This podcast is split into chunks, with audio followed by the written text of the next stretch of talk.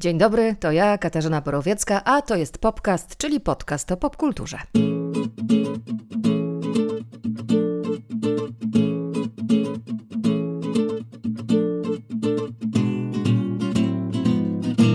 Zaczynam jak zawsze ostatnio od podziękowania dla patronusek i patronusów. Wielki ukłon dla Was ode mnie i wielkie moje zobowiązanie. Podcast jest na Spotify, na SoundCloud, w aplikacji podcasty, na iTunes i na moim kanale na YouTube. A w epizodzie 21 superbohaterowie ze świata szpiegów i jeden e, dosyć pokaźnych rozmiarów superbohater, który ubiera się na czerwono i przynosi prezenty. I jest otoczony elfami. To w dużym skrócie. Na 25 Bonda, ostatniego z Danielem Craigiem, czekamy już ho, ho, ho, ho, ho, bardzo długo. Przypomnę, że zanim za sterami zasiadł Kary Fukunaga, który podobno wykonał kawał znakomitego znakomitej roboty, tak twierdzą bliżej nieokreśleni wtajemniczeni, to reżyserować miał Danny Boyle, który bardzo chciał między innymi obsadzić Tomasza Kota w roli czarnego charakteru. Takie chodzą słuchy. Good evening, 007. My name is James Bond. Ale jak wiemy, sytuacja była dynamiczna. Nie czas umierać. Po drugim przełożeniu premiery ostatecznie ma trafić do kin na początku kwietnia roku 2021. Jak będzie? Zobaczymy. Na razie pewne jest to, że wszystkie dotychczasowe części serii od 1 grudnia są na HBO Go i dla dlatego o Bondzie, ikonie, o muzyce i o bondowskich gadżetach, ale nie tylko. Porozmawiamy dziś z Kamilem Śmiałkowskim, który oprócz tego, że bardziej niż biegle mówi językiem popkultury, to jeszcze jest autorem książki o tytule pozornie niepozornym Bond Leksykon. Spotkamy się też z Jackiem Rokoszem, człowiekiem, który mówi biegle wieloma językami związanymi z filmem, żeby niezobowiązująco i z licznymi dygresjami porozmawiać o filmach na święta, także tych animowanych. A ja mam dla Was na początek bardzo subiektywne podpowiedzi, co oglądać i co czytać. Zaczynamy.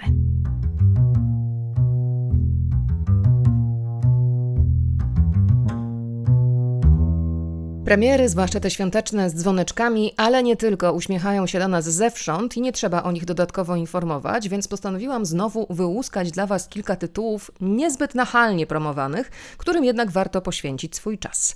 Na Netflixie znajdziecie dwa sezony serialu Master of None, po polsku Specjalista od niczego. So Dev ma 30 lat, mieszka w Nowym Jorku i próbuje się przebić jako aktor, ale ponieważ Dev jest Amerykaninem w pierwszym pokoleniu, jego rodzice są Tamilami, to proponuje mu się głównie role etnicznie nacechowane. Dev ma dwóch najlepszych przyjaciół, spotyka się z różnymi dziewczynami, ma ulubione miejsca, ulubione food trucki, jest trochę niepozorny, a trochę brakuje mu pomysłu na to, co zrobić ze swoim życiem. Serial stworzyli Alan Young i Aziz Ansari, którego znacie jako stand-upera, albo pamiętacie z serialu Parks and Recreation.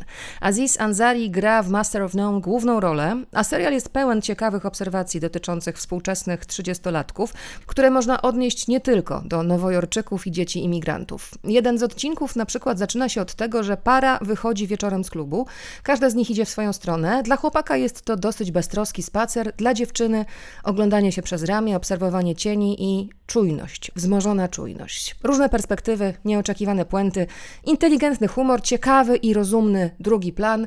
Warto temu serialowi dać szansę. I warto Azizowi Ansari dać szansę, także jego stand-upy są dostępne w Polsce. Oh, thank you. Please tell my dad. He's wondering why I'm not starring in Iron Man already. I jeszcze jeden tytuł z Netflixa z autorskim stemplem Phoebe Waller-Bridge. Crashing. Powstał tylko jeden sezon tego serialu, bo Phoebe potem zajęła się Fleabag, a potem Killing Eve i Bondem.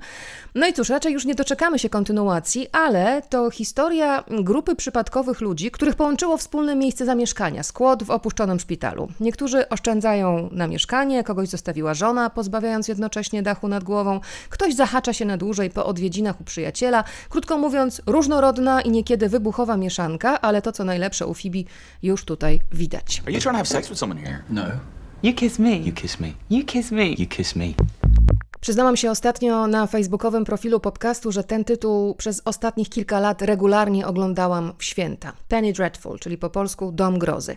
Średnio świąteczny, przyznaję. Showrunner tego serialu John Logan wrzuca tu do jednego kociołka kilka znanych z klasycznych powieści grozy postaci. Jest tu dr Frankenstein, jest jego monstrum, jest Van Helsing, jest Dandys Dorian Gray. Są wilkołaki, są wampiry, są czarownice i ciemne moce. Są też bohaterowie do tego zestawu dołożeni przez Logana.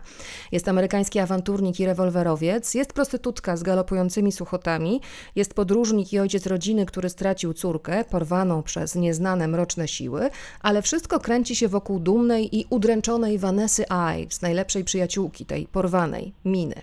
Błyszczy na ekranie Eva Green, jest Timothy Dalton, są Josh Hartnett, Rory Kinnear i Billy Piper, a bardzo wysmakowanej całości dopełnia znakomita muzyka Abla Korzeniowskiego. Dla mnie Dom Grozy to Cymesik. Yeah, the good doctor. How many adventurers are we then? This completes our company.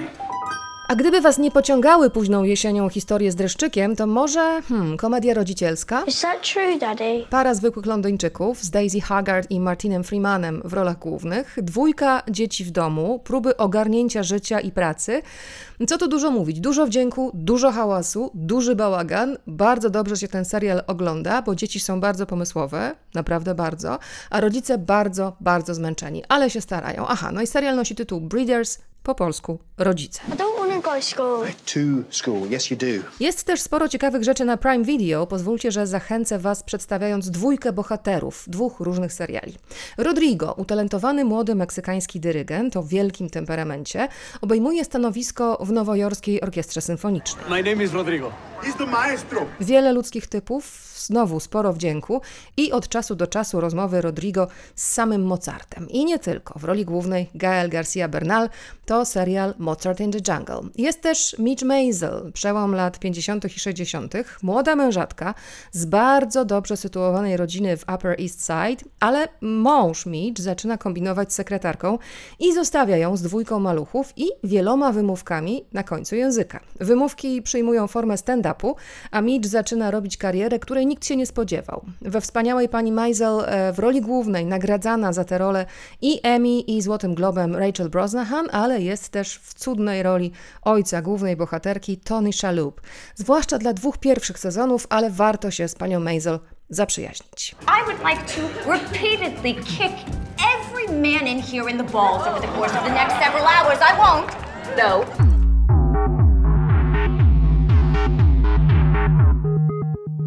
Mam też dla Was na te długie jesienne wieczory dziwnego roku 2020 kilka propozycji filmów podnoszących na duchu. Powiedzmy, że to będzie mój top pięciostopniowy. Arrived. Numer 5. Dumni i wściekli. Pride, czyli historia o nieoczekiwanym sojuszu między aktywistami LGBT z Londynu i strajkującymi walijskimi górnikami. Podnosząca na duchu w najlepszym stylu, wywołująca uśmiech i wzruszenie. Prawdziwa historia. Bill Nye, Imelda Staunton, Andrew Scott, George McKay, Patty Considine. E, I czasy rządów Żelaznej Damy. To jest oczywiście ten e, trudny dla walijskich górników i dla całej Wielkiej Brytanii okres. Seans jest obowiązkowy i mała dygresja i wspomnienie ode mnie. To był jedyny kinowy, pozafestiwalowy seans, na którym byłam, kiedy energia publiczności musiała wybuchnąć i na napisach końcowych rozległy się oklaski. I've had a lot of new experiences during this strike, and now I'm in a, a gay bar. Well, if you don't like it, you can go home. As a matter of fact, I do like it. Numer 4. Mała Miss. Grandpa, Yeah. am I pretty?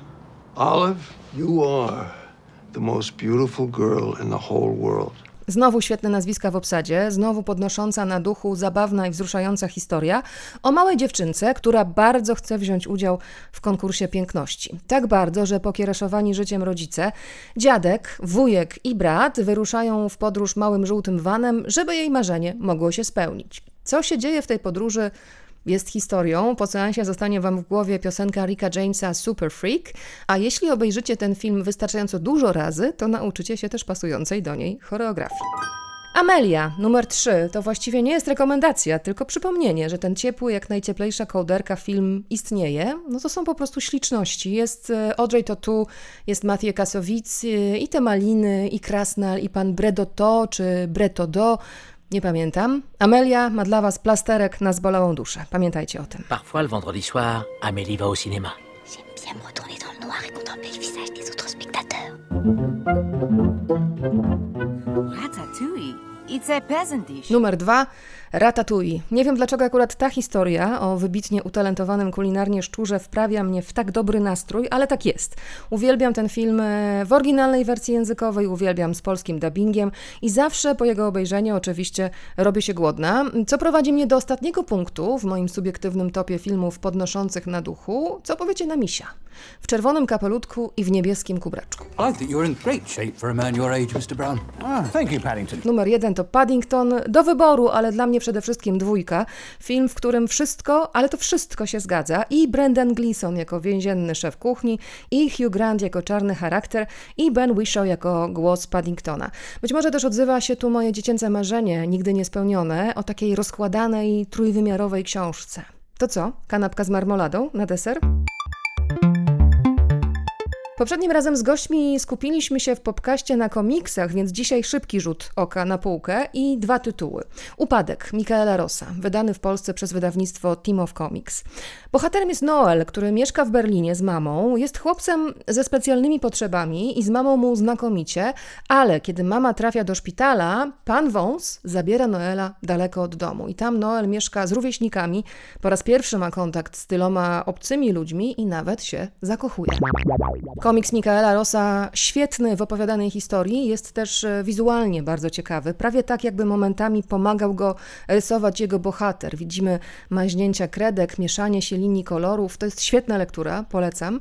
Warto też dodać, że Upadek to zdobywca nagrody Max und Moritz w roku 2020 dla najlepszego niemieckiego komiksu. Jeszcze jeden tytuł z serialową inspiracją, bo nie mogę nie wspomnieć, że z końcem października zakończyły się w Nowej Zelandii zdjęcia do pierwszego ośmioodcinkowego sezonu serialu na podstawie znakomitego komiksu Jeffa Lemira Łasuch. W tej historii niektórzy mówią podobno, że to jest miks Mad Maxa i Bambi, bo oto w świecie po pandemii tak zwanej przypadłości, popkultura ten temat przemiela od dawna, rodzą się dzieci ze zwierzęcymi atrybutami. Dziewięcioletni łasuch, który mieszka z ojcem w chatce w lesie, to jest wrażliwy chłopiec z jelenimi rogami.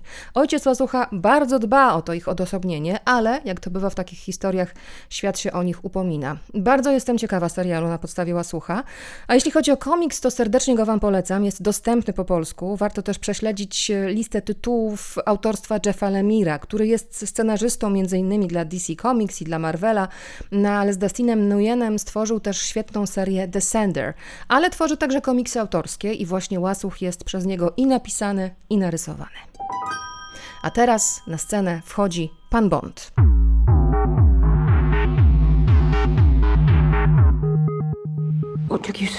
Pan Bond każe na siebie długo czekać. Premiera 25 filmu o agencie 007 na razie przeniesiona została na początek kwietnia 2021 roku, ale przecież nie możemy być do końca pewni, że to już data ostateczna. Ale od 1 grudnia na HBO Go wszystkie 24 bondowskie filmy są dostępne, więc to może dobry moment, żeby o tym najsłynniejszym agencie w służbie jej królewskiej mości stworzonym przez Iana Fleminga porozmawiać. A moim gościem jest żyjący popkulturą, jego profil na Facebooku nazywa się Człowiek z popkultury, autor bondowskiego leksykonu Kamil Śmiałkowski. Na początek zapytałam go o pierwsze spotkanie z Bondem Kamila Śmiałkowskiego, widza. Wiesz co, chyba paradoksalnie w kinie obejrzałem pierwszego Bonda i to był Moonraker, bo on jakoś wszedł pod koniec lat 80. do polskich kin. Widocznie stwierdzili, że już pora. I to jeszcze, był, to jeszcze były czasy jakiegoś końca PRL-u i wybrali takiego jednego, w którym w zasadzie nic nie ma na temat konfliktu ze Związkiem Radzieckim, mhm. tylko jest złol, który usiłuje całą ziemię zniszczyć, więc tam nawet trochę współpracują z tymi Rosjanami. No i obejrzałem i tak stwierdziłem, no okej. Okay. Bo Moonraker to był też Bond, który był odpowiedzią na Gwiezdne Wojny, że w czasie, kiedy wszyscy coraz bardziej przejmują się i fascynują kinem, kinem nowej przygody, Lukasem i tak dalej, no to zrobili Bonda w kosmosie. No i tak obejrzałem to, bo to weszło z dużym opóźnieniem, takim 7-8-letnim do oryginału i tak pchi, no i minęło kilka lat. Bondy zaczęły pojawiać się na, na VHS-ach i na DVD. Zacząłem nadrabiać, no ale potem zobaczyłem GoldenEye w kinie i, i wtedy się naprawdę zaczęło. I wtedy wracałeś do tych Seanem Connery pierwszych? Powoli, tak, tak. Zacząłem sobie jakoś to układać. Ja jestem strasznym komplecistą i, i, i, lubię wszystko i mieć, i oglądać, i czytać we właściwej kolejności, więc starałem się to jakoś ponadrabiać i posprawdzać i, i wyszukać wszystkie książki i tak dalej. Gdybyśmy się przez moment skupili na tym, w czym tutaj leży ten rozpisany na tyle lat już sukces i to, że właściwie wciąż my bardzo się interesujemy tym, kto będzie kolejnym Bondem i, i to jest oczywiście bardzo umiejętnie podsycane przez e, ekipę, która tym dowodzi, ale z Twojej perspektywy i widza, i człowieka, który się tym zajmował w jakiś tam sposób jako badacz, bo jak wiadomo, jesteś badaczem popkultury, to z Twojego punktu widzenia, gdzie tutaj są te punkty, które absolutnie nas nie pozostawiają obojętnymi i dlaczego to tak działa wciąż? Myślę, że jak w każdym tylu dekadowym projekcie to jest kilka, mm, kilka takich mm, ważnych zmiennych. Po pierwsze, trzeba zacząć wystrzałowo, z kopyta, zacząć czymś dużym. A pierwszy Bond kinowy, Doktor No, to było wielkie wydarzenie w tamtych czasach i jak gdyby otwarcie zupełnego no nie gatunku, ale podgatunku, zupełnie nowej formy emocji, zupełnie nowej, nowego sposobu opowiadania, nowego tempa. I w momencie, kiedy to im się udało, poszli za ciosem bardzo szybko, robiąc drugiego, trzeciego. Przy trzecim, tak mniej więcej, udało im się już sformatować serię. Goldfinger to był taki moment, kiedy już wiedzieli, jak to powinno wyglądać, i każdy kolejny tylko bardziej odjeżdżał z peronu. Tym samym to coraz więcej gadżetów, coraz więcej. No i doszli do takiego momentu, kiedy musiał zniknąć ten, ten Sean Connery, już miał dosyć i udało im się z tego wybrnąć. To było jak, jak w koszykówce, to był tym potrójnym krokiem, takim, że najpierw Lazenby, potem powrót do Connerego i potem wreszcie Roger Moore. I ludzie to kupili. I w tym momencie oni już wiedzieli, że, no, że mogą to ciągnąć w nieskończoność. I że już nie potrzebują tak naprawdę Fleminga, bo już przy Rogerze Murze to było krótkie fragmenty i tytuły z powieści, potem już tylko tytuły, a potem już w ogóle, w ogóle nic. No i wiedzieli też, że, że mogą się bawić formułą, że mają taką rozpiętość od ultrarealizmu po autoparodię i widzowie kupują wszystko, tylko trzeba umiejętnie im co jakiś czas zmienić kierunek no i tak to wygląda do dzisiaj, że właśnie, że co jakiś czas zmieniają aktora, co jakiś czas zmieniają kierunek. Ja, ja, ja tu zawsze Bonda porównuję, że moim zdaniem są trzy takie franczyzy, które sobie w ten sposób radzą. Druga e, też brytyjska i też polegająca na co jakimś czasie zmianie aktorów, czyli Doctor Who, Polsce mniej znana, ale, ale trochę to na tym też polega. No i, i ostatnia franczyza tyludekadowa, ale tam nie ma większego problemu ze zmianami aktora, czyli Godzilla japońska. No, te serie będą się ciągnąć w nieskończoność, bo, bo potrafią się tym bawić i, i mają zawsze duży margines. Jak gdybyśmy chcieli podsumować te składniki, które składają się na format y, Bonda, to co tutaj musi zaistnieć, żeby to była mikstura do przyjęcia przez, przez widzów? No właśnie na tym to polega, że y, jedynym, co musi zaistnieć tak naprawdę jest nazwanie tego Bondem. Że jest to tak szerokie już dzisiaj, już wiemy, że w najbliższym filmie agentem 007 będzie kobieta, co jest kolejnym poszerzeniem tej, formuły.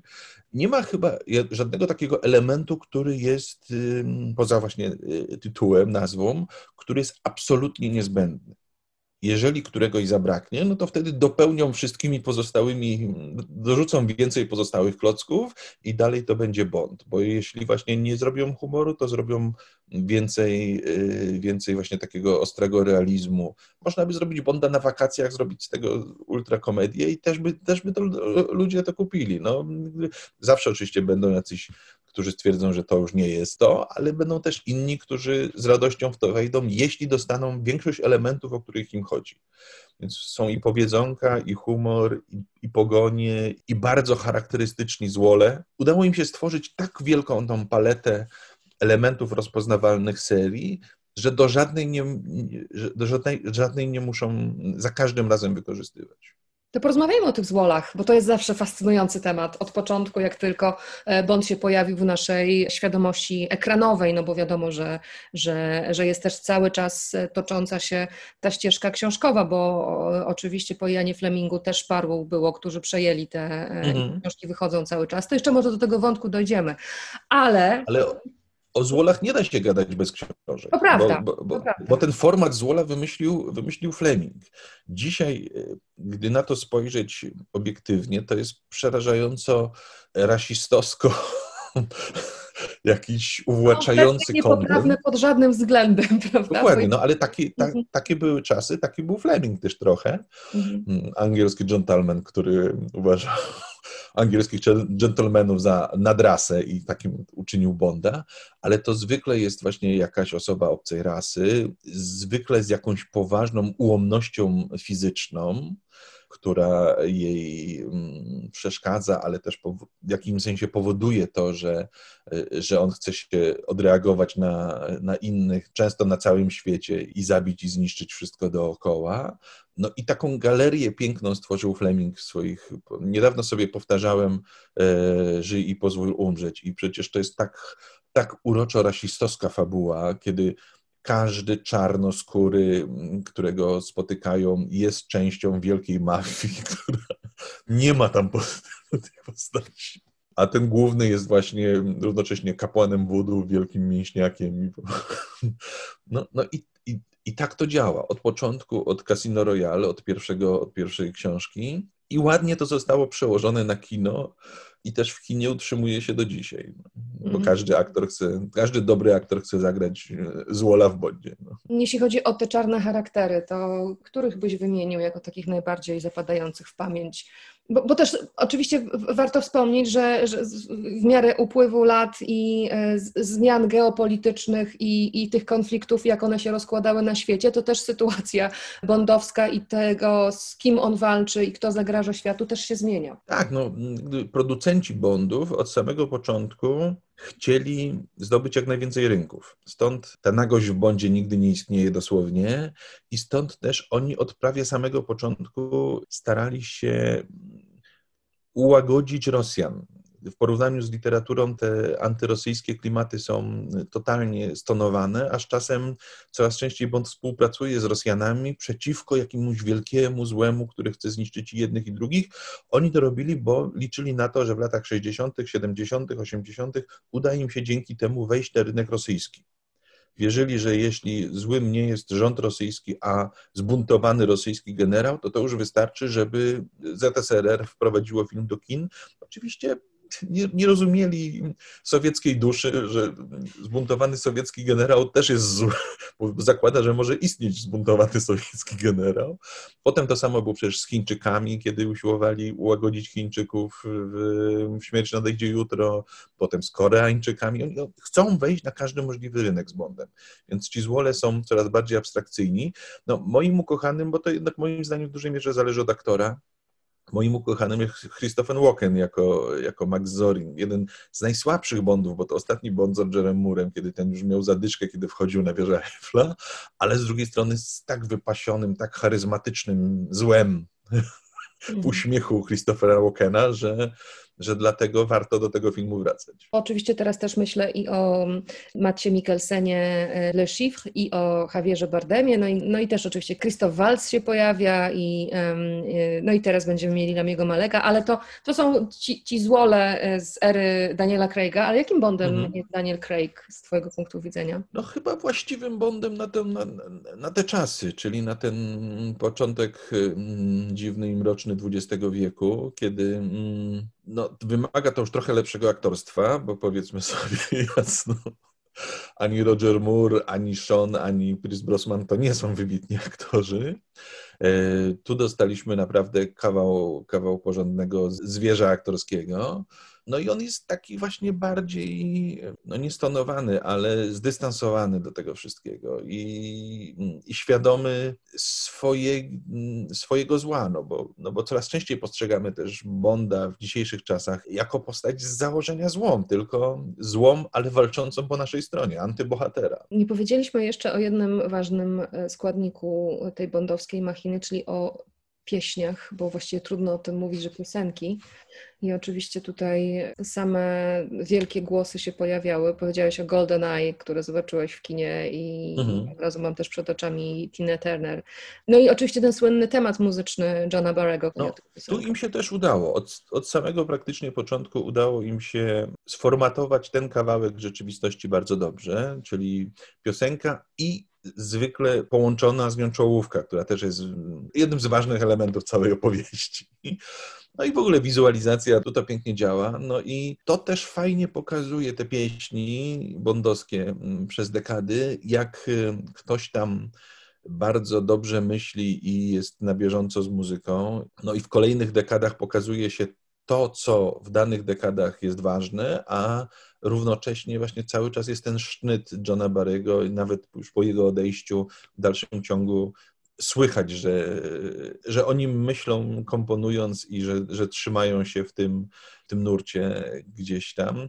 I to chyba też trochę jest tak, że dzięki temu te starsze rzeczy, które są no, sprzed naszej generacji, mimo wszystko nam wchodzą, a te młodsze rzeczy, jak stwierdzam już jako człowiek no, nie najmłodszy, jesteśmy w stanie mm, zaakceptować, bo gdzieś dla mnie to się skończyło na Adele, bo Sam Smith jest dla mnie absolutnie nie do, nie do, akcept, nie do zaakceptowania, a Billie Eilish gdzieś mi idzie bokiem. To znaczy nie, nie, nie odczuwam tego geniuszu, o którym wszyscy mówią. Mhm. Ale jest to kolejna piosenka bondowska, którą usłyszę 50 razy i mi wejdzie w głowę i tam zostanie. No tak, Sam Smith był mocno kontrowersyjny i podzielił właściwie wszystkich. Billie Eilish pewnie była takim otwarciem na młodsze pokolenie i na tych widzów, którzy być może już, jeśli chodzi o początki tej serii, to traktują to jako przedpotopowe i prehistoryczne wręcz kino. Tak, ale ta ale... Billie Eilish dla mnie jest o tyle fajnym, znaczy jak mówię, piosenka mnie nie przekonuje, ale dla mnie pokazuje, że oni myślą młodo i o młodych, i pokazuje, jak wielki potencjał będzie w następnym bondzie, kiedy już nie będzie Daniela Craiga i jak bardzo mogą wtedy i odmłodzić tą serię i zrobić tam jakieś totalne czary. Ale też właściwie chciałam zwrócić uwagę na to, jak szeroki jest ten wachlarz aktorski, bo rzeczywiście Oprócz tego, że emocjonujemy się co jakiś czas kolejnymi listami, że teraz to już na pewno ogłoszą i kto to będzie, mhm. i albo wyciekają jakieś maile z Sony i wtedy możemy się czymś poemocjonować w internecie, ale mimo wszystko Judy Dench, Ray Fiennes, Ben Whishaw i generalnie no, tam się naprawdę bardzo dobrze... ich na wszystkich. No. Tak, stać ich na wszystkich. Tam się bardzo dobrze dzieje aktorsko. Pamiętam, rozmawialiśmy jakiś czas temu o tym, że w kontekście tego, kto może zastąpić Daniela Craiga, że ty byś widział tutaj Andrew Scotta y, i to było w sumie takie, no Andrew Scott teraz został, no ma inne y, ikoniczne i kultowe role na koncie oczywiście, ale y, zagrał w, w jednym z Bondów, no rzeczywiście był też po tej drugiej stronie, po tej złej stronie mocy, ciemnej stronie mocy, no ale zmierzam oczywiście teraz do pytania o tych kolejnych, o te, o te wszystkie przewidywania, jak na to patrzysz, co z karierą aktorską aktora grającego Bonda robi granie Bonda? Tutaj y, może faktycznie być, że stanie się, staje się fajną mm, trampoliną, tak jak przecież uszona. Po Bondzie oni są zapraszeni jako bondy do, do dziesiątków różnych projektów. Potrafią to, jeśli fajnie kombinują, a prawie wszyscy fajnie kombinują, bo i Timothy Dalton, i, i Pierce Brosnan y, naprawdę ciekawe rzeczy wybierali później. Więc tutaj jest, no Roger Moore miał ten problem, że on już był starszy po Bondach i, i w zasadzie tam mógł tylko zagrać kogoś, kto się przejdzie i się uśmiechnie.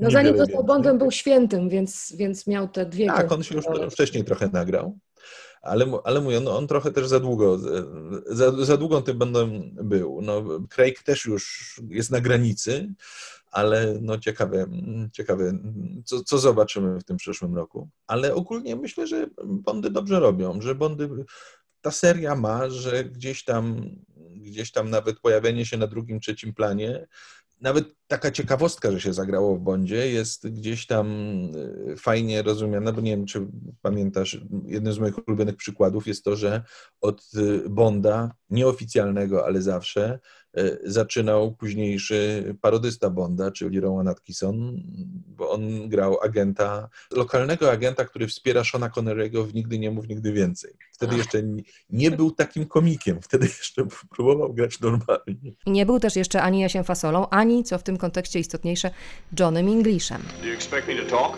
No, Mr. Bond, I expect you to die. Każdy wielbiciel bondowskiej serii ma swój typ na kolejnego Bonda. Nie wszystkim pasował do tej roli Daniel Craig, ba, nie wszyscy przekonali się do niego po czterech filmach. Wśród faworytów, w różnych, nieoficjalnych oczywiście zestawieniach pojawiali się Tom Hiddleston, Michael Fassbender, Tom Hardy, Henry Cavill. Sporo się mówi też o szczególnej słabości producentki Barbary Broccoli do znanego z gry o tron Richarda Madena, a na czołowych miejscach fanowskich bondowskich rankingów znalazł się także irlandzki aktor Killian Murphy. Mówi Kamil Śmiałkowski. To jest kilka kwestii oczywiście, bo raz znaleźć się na liście, dwa mm, znaleźć się na liście we właściwym czasie, bo mm, po pierwsze, no to tak naprawdę to co ładnych parę lat potrzebują tego nowego Bonda. Po drugie, dany aktor też może mieć wtedy jakieś zobowiązania i w związku z tym z tej listy wylatuje. Jeśli wczytać się dokładnie w te właśnie historie, w jaki sposób wybierano tych nowych Bondów przez te dekady, to widać, że oni tak naprawdę mają te. W zasadzie oni wiedzą od początku, no, nie od początku, ale kiedy się na kogoś nastawią, to się już trzymają tego mm, bardzo mocno. Timothy Dalton był typowany na Bonda i był jednym z faworytów już w momencie, kiedy odchodził Sean Connery, tylko że miał wtedy tam 20 lat i uznano, że jeszcze za wcześnie, więc musiał przeczekać całą szychtę Rogera Moore'a. Tak samo Pierce Brosnan był brany pod uwagę wcześniej, ale wtedy grał w serialu i nie można było go z tego serialu wyciągnąć, więc to są tego typu, tego typu myśli, że rodzina Broccoli dokładnie wie, myślę, tak na 30 lat do przodu, kogo chce, tylko w zależności zależności od sytuacji, okoliczności. Mówiło się też dużo o, o torze, o, że już przed wyborem Craiga był brany pod uwagę, tylko był szczylem po prostu ale też z drugiej strony nigdy do końca, to, to jak, jak z dworem angielskim albo z Watykanem, nigdy do końca nie dowiemy się, ile w tym jest plotki, a ile w tym jest prawdziwe. Oni nigdy nie potwierdzą nam tych wszystkich, tych wszystkich zabaw i ewentualnie 30 lat później w, w dodatkach do Bonda zobaczymy zdjęcia próbne jakiegoś aktora. I tyle.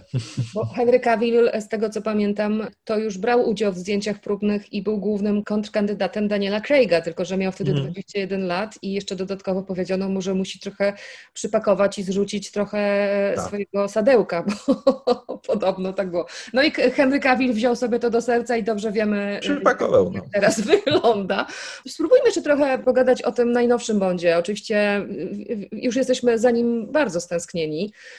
I to wszystko oczywiście, e, co się dzieje w związku z, z tą przekładaną premierą, oczywiste są też okoliczności, więc to nie, nie, nie mówię na tej zasadzie, żeby narzekać, ale ten Bond 25, naprawdę ta produkcja miała podgórkę od samego początku, poczynając od tego, że przecież pierwszym reżyserem e, i scenarzystą był Danny Boyle. A grał, grać miał kot, no, tak. więc... E, no, jakoś tak się złożyło, że, że, że z tym jubileuszowym im, e, im źle schodzi i, i, wszystko, i wszystko nie działa. I obawiam się, patrząc na świat, który nas otacza, że jednak, że jednak gdzieś to wszystko skończy w streamingu, bo, bo w tą stronę niestety zmierza popkultura e, szeroko pojęta, a 26 wtedy może już zrobimy w formie serialu. No, wszystko jest możliwe w dzisiejszych czasach ale z drugiej strony udało im się, jak mało komu, wytworzyć prawdziwe sanie na tego Bonda i, i faktycznie na niego mijają kolejne miesiące, a my uparcie na niego czekamy, już przecież będzie ponad rok w momencie, kiedy aktualną datę premiery, do, je, jeśli jej dotrzymają, a w międzyczasie już nie mówię o okładkach pism branżowych, czy piosenkach, czy innych takich, ale nawet mamy zdrabkę z Bondem w Polsce w międzyczasie dostępną. Możemy sobie podrapać i tyle naszego w dzisiejszych czasach. No. Daniel Craig więc, jeszcze zdążył więc... być e, gospodarzem SNL w czasie tuż przed tą pierwotnie planowaną premierą tegoroczną kwietniową, więc to już rzeczywiście machina była poruszona i była w pełnym rozpędzie. W ogóle to jest fascynujące też z punktu widzenia mm, obserwacji i badania e, popkultury, jak tak naprawdę od GoldenEye my powoli stajemy się jako Polska częścią rynku bondowskiego i powoli te kolejne elementy całego zamieszania wokół bondowskiego zaczynają do nas docierać, ale teraz właśnie w momencie, kiedy ta machina została tak gwałtownie wyhamowana i rozkręcona na nowo i znowu wyhamowana, widzimy ile tu jest elementów, ile firm jest to zaangażowanych, jakie reklamy, jakie kampanie, jakie mnóstwo, ile przy takim bondzie się pożywi. To, to, jak w ekosystemie jakimś wielkim to wszystko funkcjonuje i faktycznie w to są zaangażowane no, miliardy. To już nie, nie, nie miliony, to miliardy. To tak już kończąc i, i puentując ten zwiastun, który, który ujawnili no jeszcze przed tą listopadową premierą, jeszcze wtedy byliśmy pełni nadziei, że zobaczymy Bonda w tym roku. Podobał Ci się? Tak, no wiesz co, no, Jest zachęcający, po potrafią. Dzieje się tam sporo fajnych rzeczy. Oni po prostu potrafią. Ten zwiastun udowadnia, że tak naprawdę Bond już jest serialem w czystej postaci, że już w ogóle się nie przejmują tym, że to ma być kolejny film kinowy, tylko przede wszystkim jest to serial, skoro wracają postacie z poprzedniego odcinka. No, aż tak nigdy nie było, więc jak gdyby są w pełni świadomi tego, w którą stronę idzie, um, idzie rzeczywistość i, i, i popkultura. No, ujawnili dużo, ale cały czas umiejętnie, tak żebyśmy nie do końca wiedzieli. I jestem absolutnie pewny, bo to są mistrzowie świata takich rzeczy, że kilka rzeczy w tym zwiastunie to są totalne zmyłki. Wiesz, ujęcia z różnych zupełnie scen połączonych wspólnie, że nam się wydaje, że to jest jedna sekwencja, a to będzie coś zupełnie innego. I super. I o to chodzi, żeby w kinie się jeszcze dać zaskoczyć mimo wszystko. E, no i, no i już, no i na tym polega ta zabawa, żeby właśnie cały czas podsycać, cały czas kombinować, no ale gdzieś w końcu się wreszcie tego Bonda doczekać. No. Oby. Czyli czekamy, zobaczymy, jak to wszystko będzie wyglądało, ale kończąc wątek bondowski już e, definitywnie, to jeszcze muszę Cię zapytać, jak zawsze, co ostatnio ciekawego oglądałeś, co, co, co jeśli chodzi o mały ekran, siłą rzeczy serialowo Cię e, wciągnęło, e, no i też komiksowo jestem ciekawa, co Cię kręci, co Cię podnieca. Nadrobiłem Boysów i drugi sezon i, i uważam to za jedną z najlepszych pop ostrych rozrywek w ostatnich, y, y, ostatnich czasów. Z rzeczy ostatnich, no oczywiście wszyscy mówią o Gambicie Królowej, ale ja powiem o czym innym. Genialny z mojej perspektywy show sketchowy. To się nazywa, to, są, to jest australijska grupa komików y, Ciocia Dona, Outdona i oni stworzyli taką serię programów Outdona Big All House of Fun. Nie przetłumaczono tytułu na polski, więc trzeba Outdona wpisać w wyszukiwarkę Netflixową, żeby to znaleźć. I to jest dokładnie taki humor, jaki uwielbiam najbardziej, czyli oparty na totalnym e, absurdzie, e, skrótach myślowych, jakby mnóstwo autotematyczności, czyli wchodzenia w skeczy w skecze i w, i w wymyślanie skeczy. No, sześć razy po, po dwadzieścia kilka minut i jak zwykle jest troszkę e, gwiazd gościnnych i nawiązując do Boysów, już w pierwszym odcinku pojawia się Antony Starr w genialnym Homelander, ale to teraz mi się kojarzy, przepraszam, że ci wchodzę słowo, zaraz wrócimy do, bo jestem bardzo ciekawa, bo akurat tego nie znam, ale pamiętam, że to ty mi kiedyś powiedziałeś o Banshee i, i, i dzięki tobie tak. i dzięki twojemu poleceniu zaczęłam oglądać serial Banshee, w którym Antony Starr grał główną rolę. E, to jest ciekawa produkcja i też emocjonująca pod różnymi względami, zakończona już oczywiście dawno, ale to, co Antony Starr robi jako Homelander w, w serialu The Boys, to jest warte wszelkich nagród. I ja w sumie dziwię się, że ten aktor nie jest widoczny gdzieś indziej, chociaż może to jest też fajne, że, że w kolejne produkcje wchodzi tak całym sobą mhm. i z nimi się go kojarzy, bo rzeczywiście ta postać jest tak złowieszczo diaboliczna e, i jednocześnie trudno mi nawet w tym momencie na, na, na gorąco znaleźć słowa, żeby to opisać, ale uważam, że to jest mistrzostwo świata, co on robi w tym, w tym serialu. No ja właśnie rozmawiałem z nim kiedyś przy okazji Banshee jeszcze i dla mnie on tam też był absolutnym mistrzem świata, bo on był takim hipermacho. Po prostu gościem znikąd, który pojawia się w małym miasteczku, zostaje szeryfem i jest w stanie czasem z trudem, czasem bez trudu, ale pobić każdego, załatwić każdego, uwieść każdą.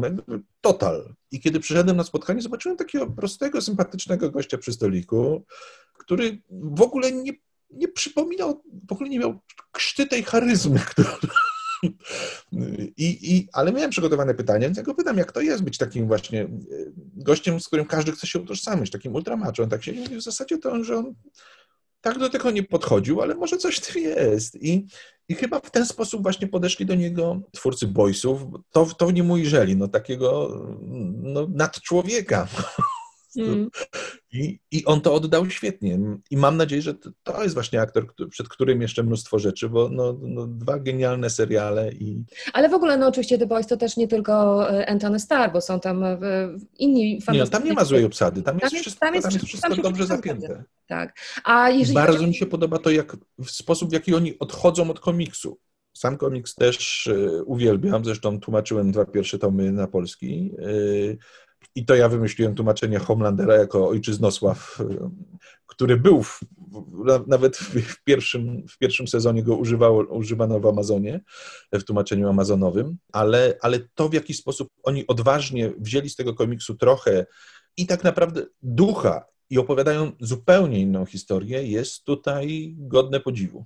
W każdym razie, mm, no dobrze, czyli Ciocię Donę oglądamy, jeśli chodzi o, o stand-up i o komików i szukamy... No to nie jest stand-up, to jest, to, jest, to jest magazyn sketchowy, taki program sketchowy, taki jak u nas, jak Monty Python, jak u nas za chwilę dalszy ciąg programu, wiesz, to, to, to jest po prostu mnóstwo skeczyków płynnie przechodzących jeden w drugi. To brzmi bardzo zachęcająco. No dobrze, a jeżeli chodzi o komiksowe rzeczy, to coś Ci ostatnio wpadło w oko? Wychodzi teraz tegoż samego twórcy, co, co Boisi, jedna z moich ukochanych serii, czyli Hitman. Bardzo polecam, już po polsku są trzy tomy y, tej serii. Ona należy do normalnego uniwersum DC, czyli tam się pojawia Batman, Superman i tak dalej, ale równocześnie jest totalną autoparodią tego y, gatunku, nawet nie superbohaterskiego, ale takiego opowieści o, y, opowieści o, o mordercach o, do wynajęcia bo Hitman jest właśnie w Gotham takim gościem do wynajęcia, ma trochę supermocy, co mu trochę pomaga, ale poza tym y, Garth Ennis mistrzowsko tutaj y, parodiuje i pastiszuje mnóstwo różnych rodzajów kina. Tam znajdziemy w kolejnych historiach i wariacje na Parszywą Dwunastkę i na kino Johna Woo i, i widać, jak on kocha te wszystkie gatunki filmowe i świetnie się bawi parodiując je do cna. Wiesz, sceny, w których y, gość właśnie czeka, żeby kogoś zabić, ale akurat przelatuje Superman, ląduje i sobie pogadali poważnie, bo Superman miał jakiś kryzys osobowościowy, albo y, bo co jakiś czas pojawia się tu jakiś superbohater w tych fabułach, czy przychodzi Green Lantern, siadają na piwo, ale potem okazuje się, że Green Lantern no, w tym kostiumie nie ma żadnych kieszeni, więc nie może zapłacić za to. Gardenis wyciąga takie świetne spaczki i, i, i żarciki z, z, tej konwencji superbohaterskiej.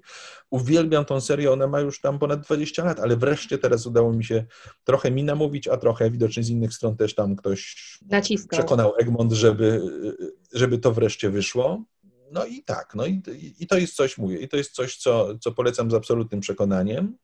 E, no a poza tym to wychodzi, to wychodzą tego takie tony teraz, że, że, że, że, każdy, sobie, każdy sobie coś fajnego pewnie znajdzie i zaczynają też wychodzić wreszcie po polsku y, takie mm, cegłówki już po prostu. Nie, nie, nie pojedyncze komiksy, nie, nie te zbiory komiksowe, ale takie cegłówki. Ja teraz właśnie czytam pierwszego oficjalnie wydanego po Polsce omnibusa Omnibus, tak jak w książkach, tak samo w komiksach, oznacza zebranie całości w jeden wielki tom, czyli, czyli to ma 700 stron na przykład.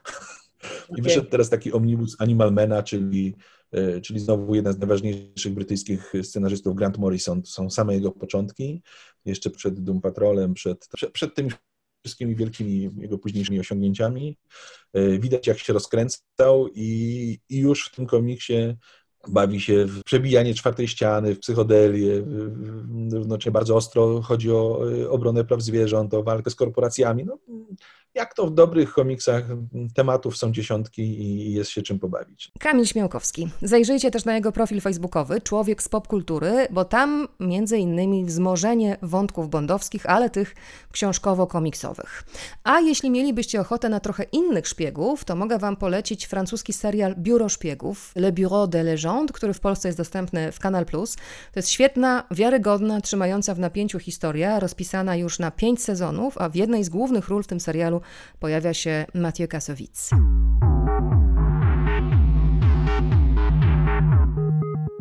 Zostawiamy szpiegów, zostawiamy Bonda. Pora na bohatera mocno splecionego z początkiem grudnia i z okresem świątecznym.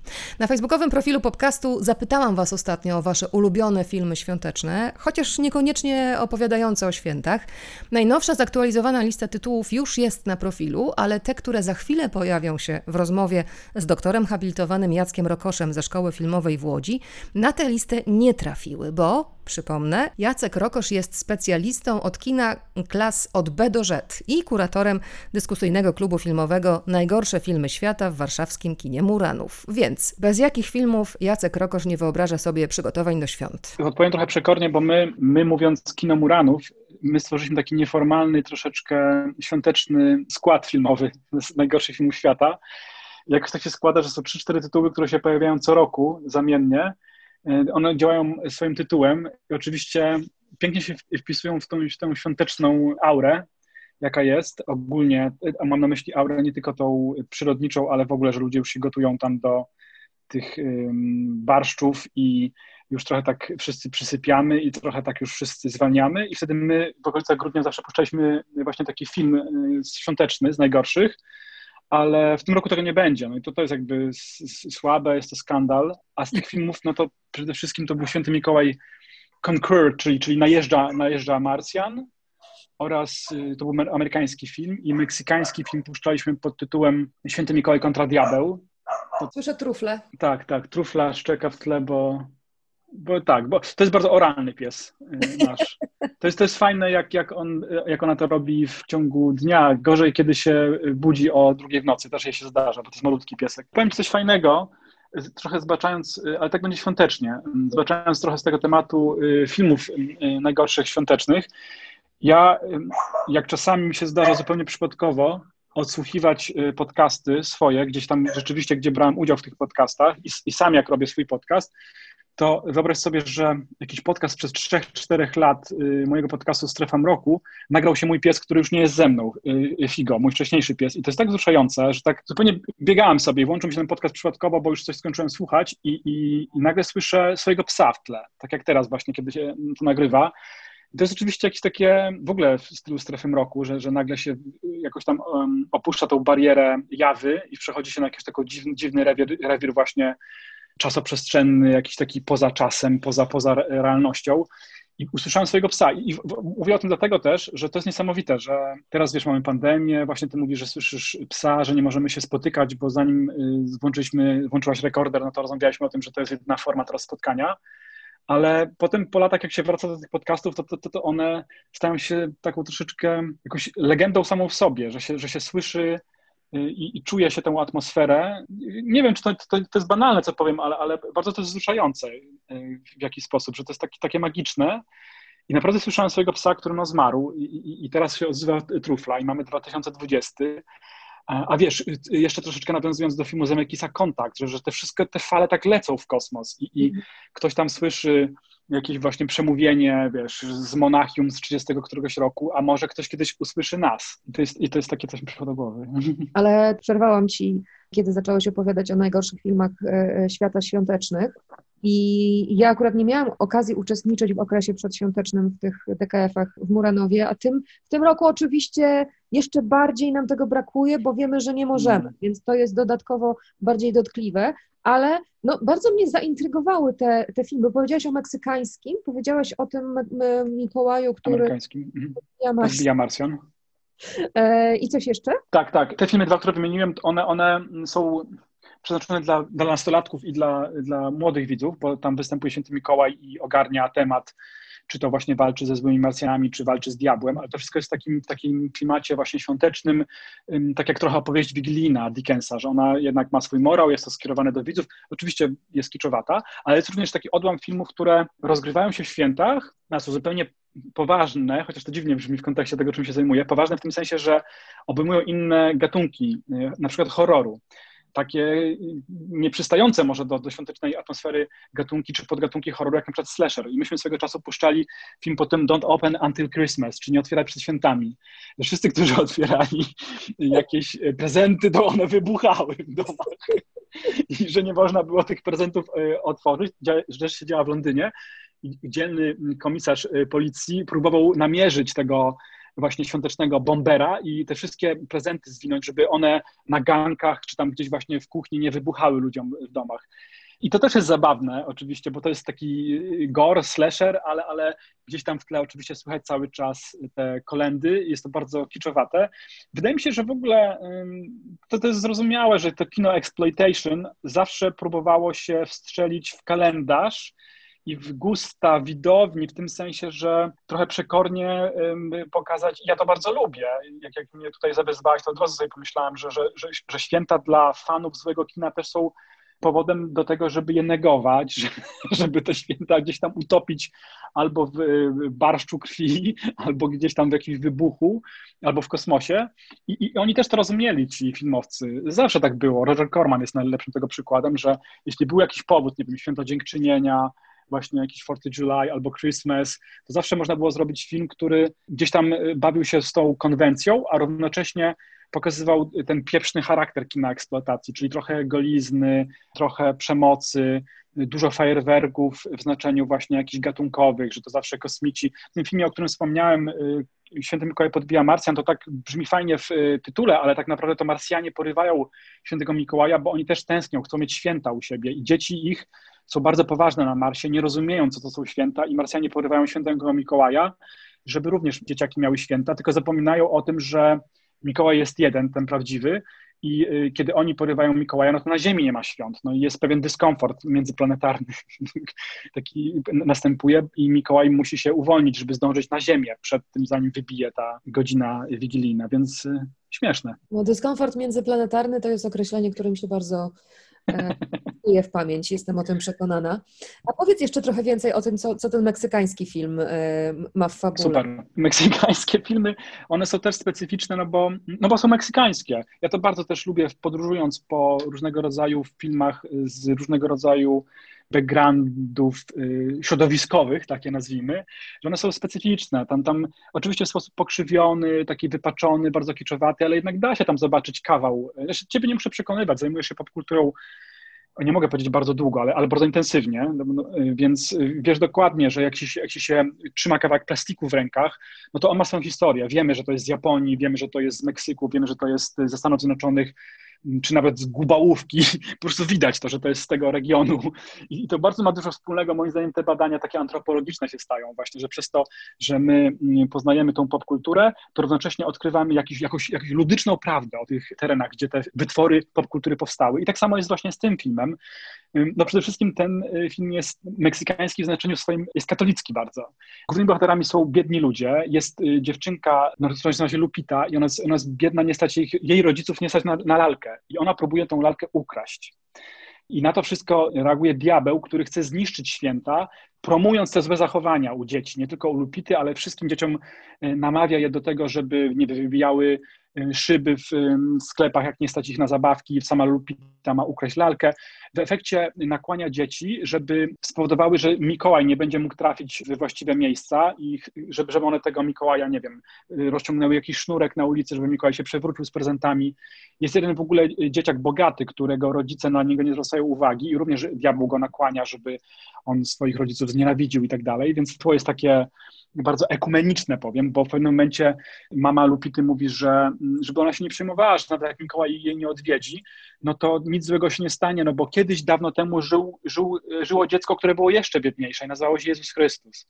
I to jest bardzo dziwne w tym filmie, że to wszystko się tak właśnie przenika, ta, ta, ta mm, jak, zresztą jak w Polsce, bardzo głęboka tradycja chrześcijańska z tym znaczeniem popkulturalnym, bo w efekcie święty Mikołaj odkrywa, że za tym wszystkimi złymi postępkami dzieci y, jest diabeł i to taki person diabeł, taki typowy, wiesz, jak, jak z takich średniowiecznych manuskryptów, jest cały czerwony, można to wygooglować, jest przepiękny, jest, to jest to facet cały czerwony z kozią brudką, z plastikowymi rogami, oczywiście w takim trykocie obcisłym, jest super taki opływowy, jak delfin.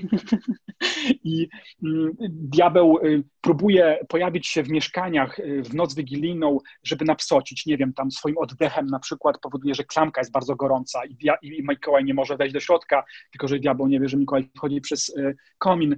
I cały czas próbują toczyć między sobą taką walkę. Dodatkowo jeszcze jeśli Mikołaj nie zdąży obdarować dzieci w tym filmie przed północą, czy tam przed, przed y, brzaskiem, no to czar pryśnie i on nie będzie mógł wrócić na swoją planetę, no bo on jeszcze pochodzi z planety Mikołajów.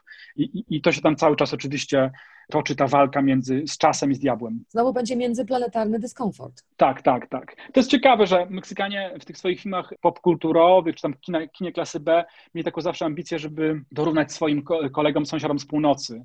I to science fiction, które dominowało w latach 50., 60., w kinie amerykańskim, to oni, oni zawsze mieli te aspiracje i niemal w każdym filmie jest jakaś atomowa energia, albo właśnie w tym wypadku Święty Mikołaj używa sań jak najbardziej, ale te renifery są e, mechaniczne. Mm, on tam zresztą mówi o tym, że musi być tak szybki jak Sputnik, bo film pochodzi z lat 60., więc te, te wszystkie, ten sos taki właśnie popkulturowy tam się ładnie miesza. A swoją drogą dosyć fajne jest to, teraz wrócę do filmu, jeśli pozwolisz na sekundę, bo to jest bardzo śmieszne, filmu Święty Mikołaj podbija Marsjan, bo tam jest taki motyw, że Marsjanie porywają tego Świętego Mikołaja i pojawiają się, pojawia się taki leitmotyw kina klasy B, jeśli nie stać na pokazanie, nie wiem, mm, jakiegoś y, takiego szerszego tła, no to na przykład daj wirujące gazety na, na, na ekranie, które pokażą ten motyw. Święty Mikołaj został porwany. I tam wirują te gazety z całego świata, że tam Stany Zjednoczone piszą, że Santa Claus został porwany, tam gdzieś w Niemczech jakaś gazeta się pojawia. I wyobraź sobie, że pojawia się również Trybuna Polska, gdzie jest napisane, Aleksander Zawadzki, przewodniczący kraju zmarł, będzie uroczysty pogrzeb. Nie ma w ogóle nic o tym świętym Mikołaju, bo nikt tego nie sprawdził, tylko jest informacja o Zawadzkim, który właśnie y, umarł. I, i, I, wiesz, ja sobie dałem klatkę stop, oglądam, co się dzieje, nikt nie zwrócił uwagi, po prostu wzięli jakąś pewnie z ambasady, wiesz, polskiej gazetę gdzieś tam i, i, taka informacja się pojawia w tym filmie. Zupełnie oczywiście to nie jest tłumaczone, bo, bo, nie o to chodzi. Ważne było to, że się pojawiła jakaś inna gazeta niż anglojęzyczna i to wystarczyło, że, że, żeby, żeby, wiesz, wejść w tą atmosferę zła, że, że święty Mikołaj jest na Marsie. I cały świat o tym pisze. A może nie o tym, ale wiemy, że cały świat o tym pisze. Fantastyczne są te, są te historie, jak zawsze płaczę ze śmiechu, słuchając tych fabuł i od tego, jak o tym opowiadasz. Ale mam też ochotę skręcić w trochę inną stronę, też tobie bliską bardzo, bo jesteś reżyserem animacji, tym się też zajmujesz tak. zawodowo, oprócz różnych wszystkich rzeczy i wszystkich płaszczyzn, na których się spełniasz, jeśli chodzi o film. Chciałam cię też zapytać o tę perspektywę i jest kilka takich kultowych animacji, które do świąt się odwołują. Jak powiedziałeś o Mikołaju podbijającym Marsjan, porwanym przez Marsjan, to mnie się od razu przypomniał Jack Skellington, który porwał Mikołaja miast do miasteczka Halloween, bo sam chciał przeprowadzić e, święta. E, oczywiście to jest film bardziej halloweenowy niż świąteczny, tak. ale to jest właściwie, no, on jest na pograniczu, to jest właściwie... Tak, tak, sprytne, nie? bardzo, bardzo. Sprytnie, rzeczywiście, że można oglądać ten film w Halloween i można go oglądać też na Boże Narodzenie. No to jest niesamowite. To chyba jest jeden z y, ciekawszych filmów animowanych lalkowych w ogóle, jaki powstał w historii kina chyba jeden z lepszych w ogóle filmów Tima Bartona. Ja, ja wiem, że to coś fanką, więc może się narażę, ale no tak, tak w, w trójce najlepszych filmów Bartona to na pewno by się znalazł, obok Batmana pewnie. Ja, ja w ogóle jestem fanem, jeśli już, już a o świątecznych klimatach, to jestem fanem drugiej części Batmana. Tam też jest święta. Ja uważam, że to jest lepszy film niż jedynka i, i, i też jest w taki sposób świąteczny. I nawet momentami jest animowany ten film, bo tam są pingwiny, które, które są częściowo animatroniką, a częściowo, jak już pamiętam, nawet chyba tam jakieś efekty komputerowe dodano. A wracając do miasteczka Halloween, no jest, jest to cudowny film. To, nie wiem, czy, czy, czy, czy, mm, w ogóle bym nie zaryzykował takiego stwierdzenia, że ten film przyszedł do historii kina, czy też przejdzie wkrótce do takich naprawdę um, topowych filmów ever, jak, jak nie wiem, Casablanca na przykład. Jest coś niesamowitego w, w tym filmie. Jest taki ogromny pazur, jest wzruszenie, jest przede wszystkim to, co zawsze chyba nam zwraca uwagę, na, jeśli oglądamy animację zaraz po pierwszych sekundach, ten niesamowity kunszt, w jakim jest wykonany ten film. Ta, ta animacja lalkowa, która dzisiaj z perspektywy czasu nam się pewnie wydaje w ogóle mało prawdopodobne, że to powstało analogowo, bo, bo pewnie jak ludzie to oglądają dzisiaj myślą, że to jest komputer wszystko, a tam nie ma komputera jako takiego. To wszystko jest robione rękami i dodatkowo jeszcze, jak ja dobrze pamiętam, to robione na taśmie filmowej, więc to w ogóle jest wariactwo, bo to są przecież końcówka lat 90., jak ja dobrze pamiętam, więc w ogóle ta epoka cyfrowa była przed y, nami, więc to wszystko jest robione w bardzo ciężkich y, warunkach, nie, nie w znaczeniu komfortu pracy, a bardziej w takim znaczeniu, że to jest tak perfekcyjnie zrealizowany film, a jednak zrobiony był na taśmie filmowej, jednak jest robiony poklatkowo i robiony klatka po klatce rękami animatorów. I, I, patrząc na to, jak to płynnie się animuje, jaka jest mnogość ruchów kamery i efektów y, wizualnych, jakie tam są, Połączone to jest y, przecież y, synchronicznie, chociażby z piosenkami, a to wszystko się robi, no, jak mówię, klatka po klatce. To, to jest naprawdę niewiarygodne. Dzisiaj to robi ogromne wrażenie. Jest przepiękny ten film. Myślę, że każdy z nas sobie tam jakieś fragmenty ulubione wyciągnie. Ja oczywiście używam też ten film jako kopalnia y, takiej fascynacji Bartona, pod którą ja się zupełnie podpisuję do horroru gotyckiego. Do tych najlepszych czasów studia Universal z lat 30. i 40., gdzie tak naprawdę powstało wszystko to, co, co dzisiaj obowiązuje, jeśli chodzi o ten, to straszenie gotyckie, bo tam są nawiązania do Frankensteina przecież, do, do Wilkołaka, do każdego praktycznie horroru z tamtego okresu, przetworzone na, na, na modłę Bartona, bardzo smacznie podane. Jeden z moich ulubionych fragmentów tego filmu tyczy się tym, jak, jak nasz główny bohater próbuje przekonać swoich ziomków, y, straszydła wszystkie mm, do świąt i próbuje odnajdować te leitmotywy świąt i na przykład jest taka, taki motyw, kiedy on bierze dzwoneczki i na donację molową próbują grać Jingle Bells. To jest świetny fragment tam. I on tak świetnie, świetnie, trochę szybciej. Na, na, na, na, na. Że nie potrafią. Bardzo chcą się nauczyć, żeby to było takie wesołe, ale jednak ten, ten rdzeń DNA ich nie pozwala im grać tej, tej wesołej piosenki inaczej niż tylko w tonacji molowej. I to jest takie super, takie, takie... I, I, z drugiej strony strasznie fajne jest w tym filmie, jakby przesłanie moim zdaniem jest takie, że właśnie nie, nie ma znaczenia, nie? kim jesteś, dla ciebie również jest, jest to święto, że możesz być pozornie nieprzygotowany, nie wiem, nie, niepotrafiący, ale jednak mimo wszystko coś tam można znaleźć w tym czasie coś, co, co, co jest magiczne i o tym też chyba to jest. Że tam też porywają Mikołaja, dosyć ciekawe jest to, że, że pewnie, pewnie Barton widział ten film, o którym mówiłem, bo on powstał w latach 60. Moim zdaniem oni wszyscy są spryciarzami, wiesz, oglądają, Barton to w szczególności na pewno, on kochał przecież Eduda, czy kocha Eduda. Oni oglądają te filmy, tak samo David Lynch moim zdaniem, oglądają te filmy takie, takie kiczowate, jakieś złe, potem robią z tego y, nowy film, który oczywiście ma większy budżet, pracują przy nim profesjonaliści i mówią, popatrzcie, jak ja niesamowicie przetwarzam popkulturę. Mm. Ja mam takie wrażenie, oglądam y, już też zostawiając na sekundę tylko święta, że, że oglądałem y, ten ostatni sezon Twin Peaksu. Tam jest taki jeden odcinek czarno-biały, God a Light, nosi tytuł, zaczyna się bombą atomową i muzyką Pendereckiego. Wiesz, oglądałem ten epizod, jest tak dziwny, na stacji paliw jakieś dziwne dziadki chodzą i myślałem sobie, gdyby Edward miał pieniądze i troszkę więcej talentu, to na pewno by taki film zrobił. No bo oglądając Glenn czy Glenda, tam są takie fragmenty wizyjne, że, y, że, że on dziwnie w jakieś takie koszmary wpada, ten, ten bohater Edward jest dużo dymu, bo Edward bardzo lubił dym. On uważał, że wszędzie tam, gdzie jest mgła, no to w ogóle podnosi się rangę filmu. Jak nie masz pieniędzy na dekorację, to, to, to włącz dymiarkę. Tak, taka sztuczna mgła. Nie no, ale mówię sobie, że kurczę, ten, to, to, jest, to jest fajne. Ja, ja wiem, że może trochę się plączę, że, że, że mój entuzjazm wykracza daleko poza merytoryczne znaczenie tego, o czym rozmawiamy, ale mnie się wydaje, że ci, ci, ci, co za bardzo nie potrafili tych filmów robić, jednak udowadniają, że tylnymi drzwiami również weszli do, do, do tej tradycji i ci wielcy reżyserzy jak Barton czy Lynch potrafią to przetransponować, potrafią to przełożyć na swój sposób. Oczywiście y, u Lyncha dodać, y, y, jak już mówimy o muzyce, chwycić ten instrument wszystkimi palcami i na jednym akordzie zagrać jakieś dojmujące zło i, i to powoduje, że, że to nabiera innego jeszcze brzmienia czy, czy, czy wybrzmienia u Lyncha, ale wydaje mi się, że świadome korzystanie z, z, z, tego dziedzictwa właśnie tych reżyserów, którzy nie za bardzo potrafili, może dawać niesamowite efekty. Takim kolejnym przykładem jest John Waters.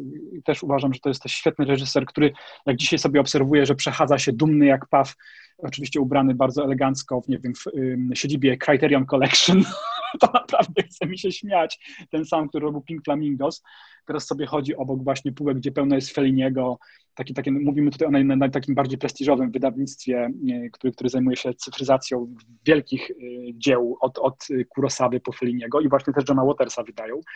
To jest dla mnie takie, takie fajne. Ja się bardzo cieszę w ogóle, że nasz świat, jeśli wiesz, y, Kasiu, miałbym powiedzieć, że nasz świat strasznie zachrzania do przodu, to jedynym, y, wydaje mi się, plusem tego zachrzaniania jest to, że ci twórcy mieli szansę tego dożyć, bo, bo kiedyś właśnie, nie wiem, Edward nie, Van Gogh nie, nie dożyli tej sławy, a taki John Waters sobie teraz chodzi właśnie dumny z siebie, że, mm, że, że i w komiksie to się pojawia przecież, i w filmie, i w muzyce nawet. To wszystko, co on gdzieś tam robił na, na tej kamerce 16 mm, trzymając ją pod pachą, z aktorami w cudzysłowie, no bo przecież Divine to żadna aktorka była, była to osobowością, ja bym ją bardziej nazwał, czy też Vampira na przykład u Eduda, Maila Nurmi.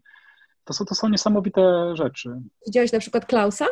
Tak, bardzo lubię ten film. Też tam zresztą przecież brali udział y, nasi polscy twórcy w realizacji tego filmu. Tak naprawdę z, z tego, co dobrze wyczytałem i zobaczyłem, to to, że Klaus tak niesamowicie wygląda, estetycznie, plastycznie, to jest zasługa właśnie y, naszych artystów i to jest super. W animacji w ogóle ta sprawa plastyki, techniki jest niezwykle ważna i teraz to, co mówiliśmy wcześniej o miasteczku Halloween, to też się sprawdza, że ja mówiłem o 3D, wszyscy widzą wszędzie 3D, mhm. a, to, a to, ten film y, Klaus też nie jest zrobiony w tej technice, jest takim bardzo, bardzo y, ciekawym sposobem na uchwycenie tej przestrzeni. Ja też oglądałem, bo jest w sieci, to polecamy pewnie wszystkim, parę dokumentów takich króciutkich na YouTubie, jak można zobaczyć, warstwa po warstwie, jak to było robione, jakie były testy, które by pozwalały właśnie zrobić to, to wrażenie trójwymiarowości, ale też mówili tam dużo o perspektywie, perspektywie powietrznej, którą trzeba było zbudować, żeby, było to wrażenie właśnie przestrzeni.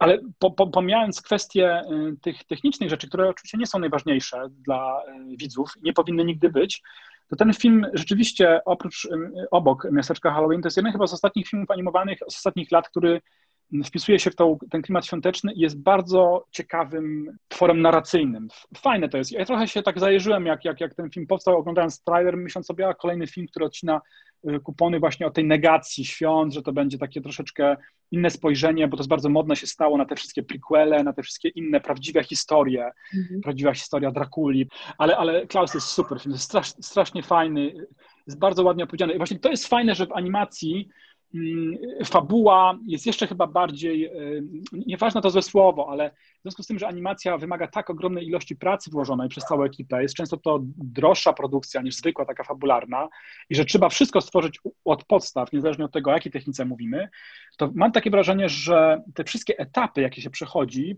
i preprodukcji, produkcji, postprodukcji, one są bardziej cyzylowane w tym sensie, że mm, no, ja wiem, bo znam, teraz pracuję z ekipą taką no, międzynarodową, pracuję z studiem chińskim i argentyńskim i, i przyznaję, że oglądamy film czasami klatka po klatce, w sensie oglądamy sekwencje, które przychodzą y, do, do, do ocenienia z produkcją, z, wtedy się wyłapuje pewne rzeczy, które być może gdzieś tam y, umykają, y, kiedy się kręci film w realu, ale bardziej mi chodzi o fabułę, o scenariusz, pisanie scenariuszy. I teraz y, wracając do Klausa, on ma niesamowicie dobrze napisany scenariusz.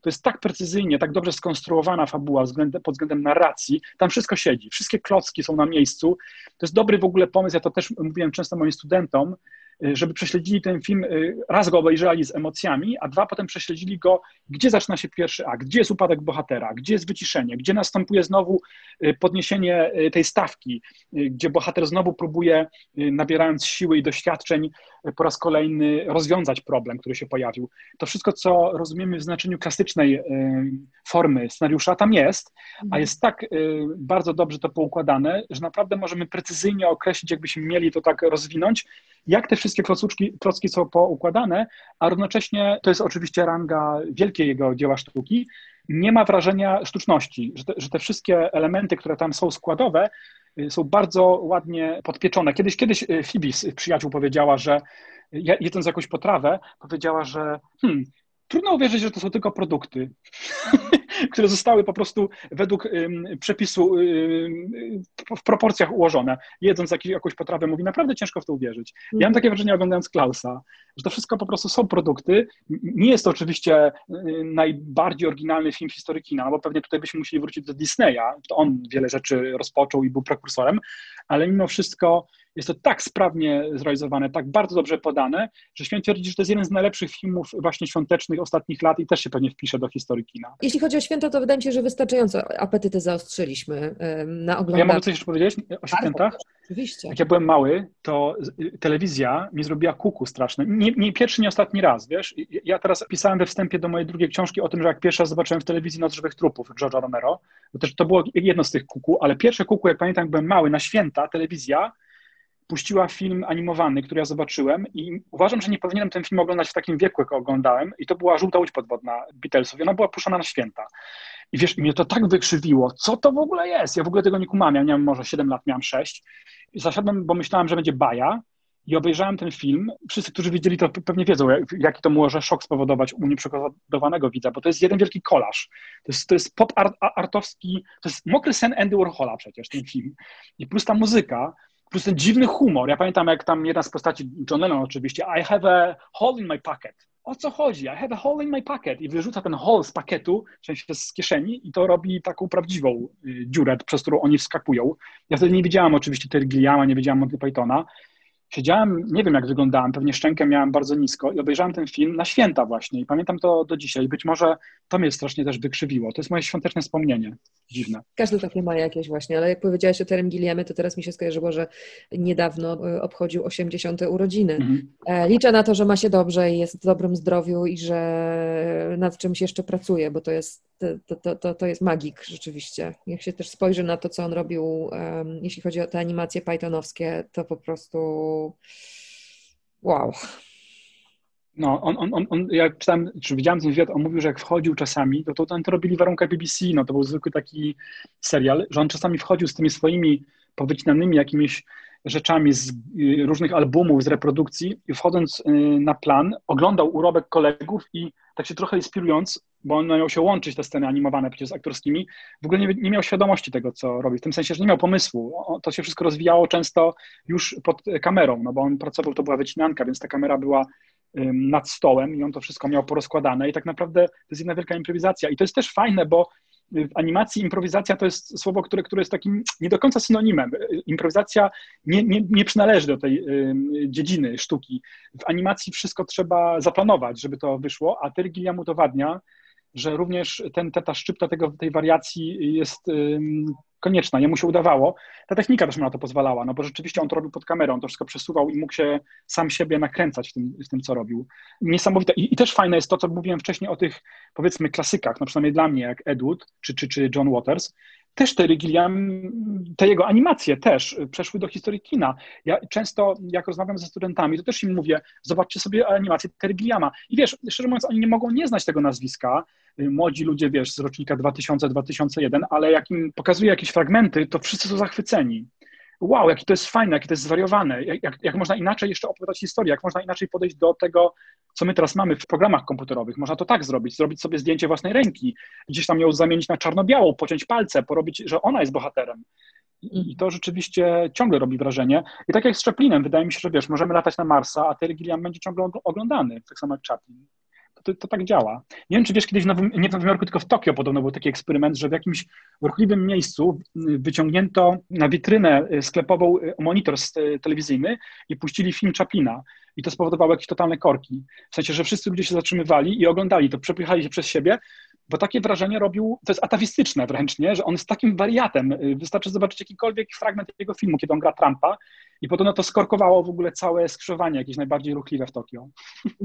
Piękna historia. Jacek, to powiedz jeszcze, tak, tak zapytam krótko, co słychać, bo jestem bardzo ciekawa, mm. czekam na drugą e, część, drugi tom Twojej książki o kinie eksploatacji. No i też jestem ciekawa tych rzeczy, nad którymi pracujesz e, animatorsko. Tak, tak, wiesz, to tak się stało i to zabrzmi trochę narcystycznie, ale mam więcej pracy w czasie pandemii niż przed pandemią narcystycznie w tym sensie, że, że no wiem, że jakie są czasy, są bardzo ciężkie czasy, są trudne czasy, wszyscy borykamy się y, z różnego rodzaju odmianami depresji i żeby było jasne, ja też gdzieś przeżywam ten moment, że, że ten ten komputer już y, mam przed sobą od, od marca co najmniej, non-stop I, i, i, siedzę i robię coś i trochę już nie mam siły. To jest fajne przez pierwsze tygodnie, jak wiesz, że, że, że nagle się okazuje, że nie trzeba nigdzie jechać, żeby spotkać się z kimś, ze znajomym, ze studentem, z, a nawet ze studiem filmowym, bo wspomniałem też, że pracuję z, z studiami filmowymi i w Warszawie i, i w różnych miejscach świata. Robimy, jestem strasznie dumny z tego, bo dostaliśmy dofinansowanie na dwa sezony serialu, który robię. Nazywa się to Bela z Brzuszka. Producentem jest bardzo fajne studio warszawskie Animon Studio. Mówię bardzo fajne, bo a propos świątecznej atmosfery, czuję się jak w domu tam. Wszyscy, wszyscy się lubimy, jesteśmy przyjaciółmi i nawet jak spotykamy się, to bardzo przypomina nasze spotkanie zoomowe. Oczywiście rozmawiamy na temat konkretnych rzeczy, które są do zrobienia, ale, ale y, bardzo, bardzo się lubimy wszyscy. Więc to bardzo ciepła opowieść jest. To, to jest zupełnie coś innego. Wiesz co, może dlatego ja też jestem taki trochę rozstrzelony, bo robię rzeczywiście różne rzeczy. Ten film jest tak właściwie sfokusowany. To jest dla bardzo małych widzów film y, zrobiony, takich pięciolatków. Jest to bardzo wzruszająca opowieść o Ben, chłopak nazywa się Benny, który ma siostryczkę, która się jeszcze nie urodziła. No i Benny y, ma taką ambicję, żeby tłumaczyć swojej siostrze cały świat. Ona nie wie, y, jak to w bajkach bywa, jak wygląda, nie wiem, muzyka, jak wygląda, najróżniejsze rzeczy. Czasami ona słyszy coś tylko, będąc w brzuszku swojej mamy, jak na przykład y, przepracane są kartki w książce. No i co to jest, ten szum tych kartek? No jak wytłumaczyć małej istotce, co to są książki, więc Benny staje na głowie dosłownie i w przenośni, próbując jej to wytłumaczyć. Przenosimy się wszyscy dzięki temu w świat fantazji. Oni razem podróżują po dziwnych krainach.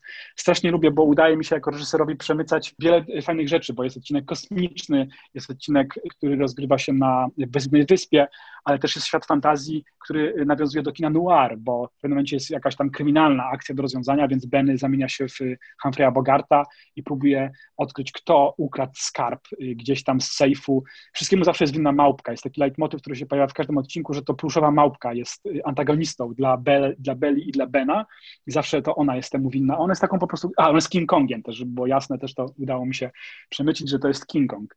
Taki malutki oczywiście. I to jest bardzo, bardzo fajna rzecz, y, którą ja robię. Jesteśmy jeszcze nie w połowie, ale, ale bardzo szybko to idzie.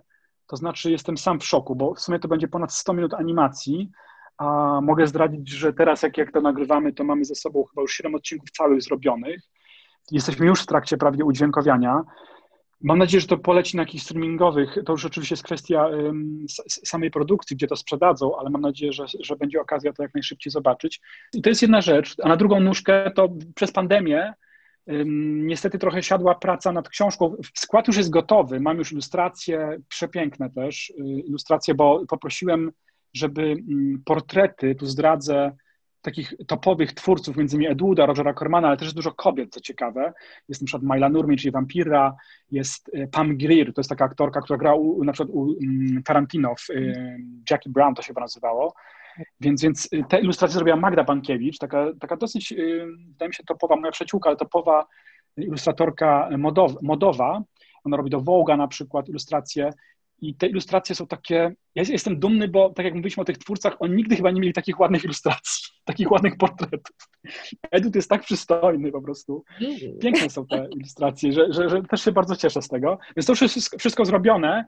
W każdym razie mam nadzieję, że i o e, serialu, i o książce będziemy mieli wkrótce okazję jeszcze dłużej porozmawiać. A dzisiaj co? Wesołych świąt chyba. Wesołych, wesołych świąt. Nie, tak, tak całkiem poważnie, kurczę, trzymajcie się wszyscy. Y, Mamy na myśli oczywiście Ciebie, Kasiu, bo bardzo za Tobą tęsknię. Wszyscy, wszyscy za sobą tęsknimy, ale tak teraz kierując do Twoich słuchaczy, to powiem, że dbajcie o siebie, uważajcie na siebie. Y, I to chyba jest najważniejsze teraz. Kiedykolwiek to się skończy, coś, co się teraz dzieje, to starajmy się otaczać dobrymi ludźmi i róbmy to, co y, lubimy robić. Wiesz, ostatnio byłem w tym, w, tutaj na Powiślu, gdzie mieszkam, byłem ostatnio w piekarni. Jedna pani Y, nie znam tych ludzi, więc mogę sobie pozwolić. Chciała kupić kawałek ciasta drożdżowego i tak, taki mały kawałeczek. I ja do końca tego nie słuchałem, ale stanęło na tym, że wzięła bardzo duży kawałek tego ciasta i mówi, a dobra, niech będzie. I jakiś pan, który za nią stał, powiedział, trzeba teraz o siebie dbać, ale mów, no tak, ale to, to jest dużo kalorii. Nie, właśnie w ten sposób. Nie, zapomnieć o ćwiczeniach, tylko robić sobie przyjemności. I to mi się bardzo podobało, że ten pan był taki uradowany, że ona wzięła, wszyscy byli ucieszeni w tej piekarni momentalnie, bo panie, panie, panie, które sprzedawały to i pani, która kupiła sobie więcej ciasta drożdżowego. Ja też się oczywiście zacząłem śmiać, bo, bo jest racja, że to jest, jeśli jest to czas taki, taki ciężki, no to równocześnie chyba bardzo eskapistyczny powinien być i, i, i chyba popkultura też na to pozwala.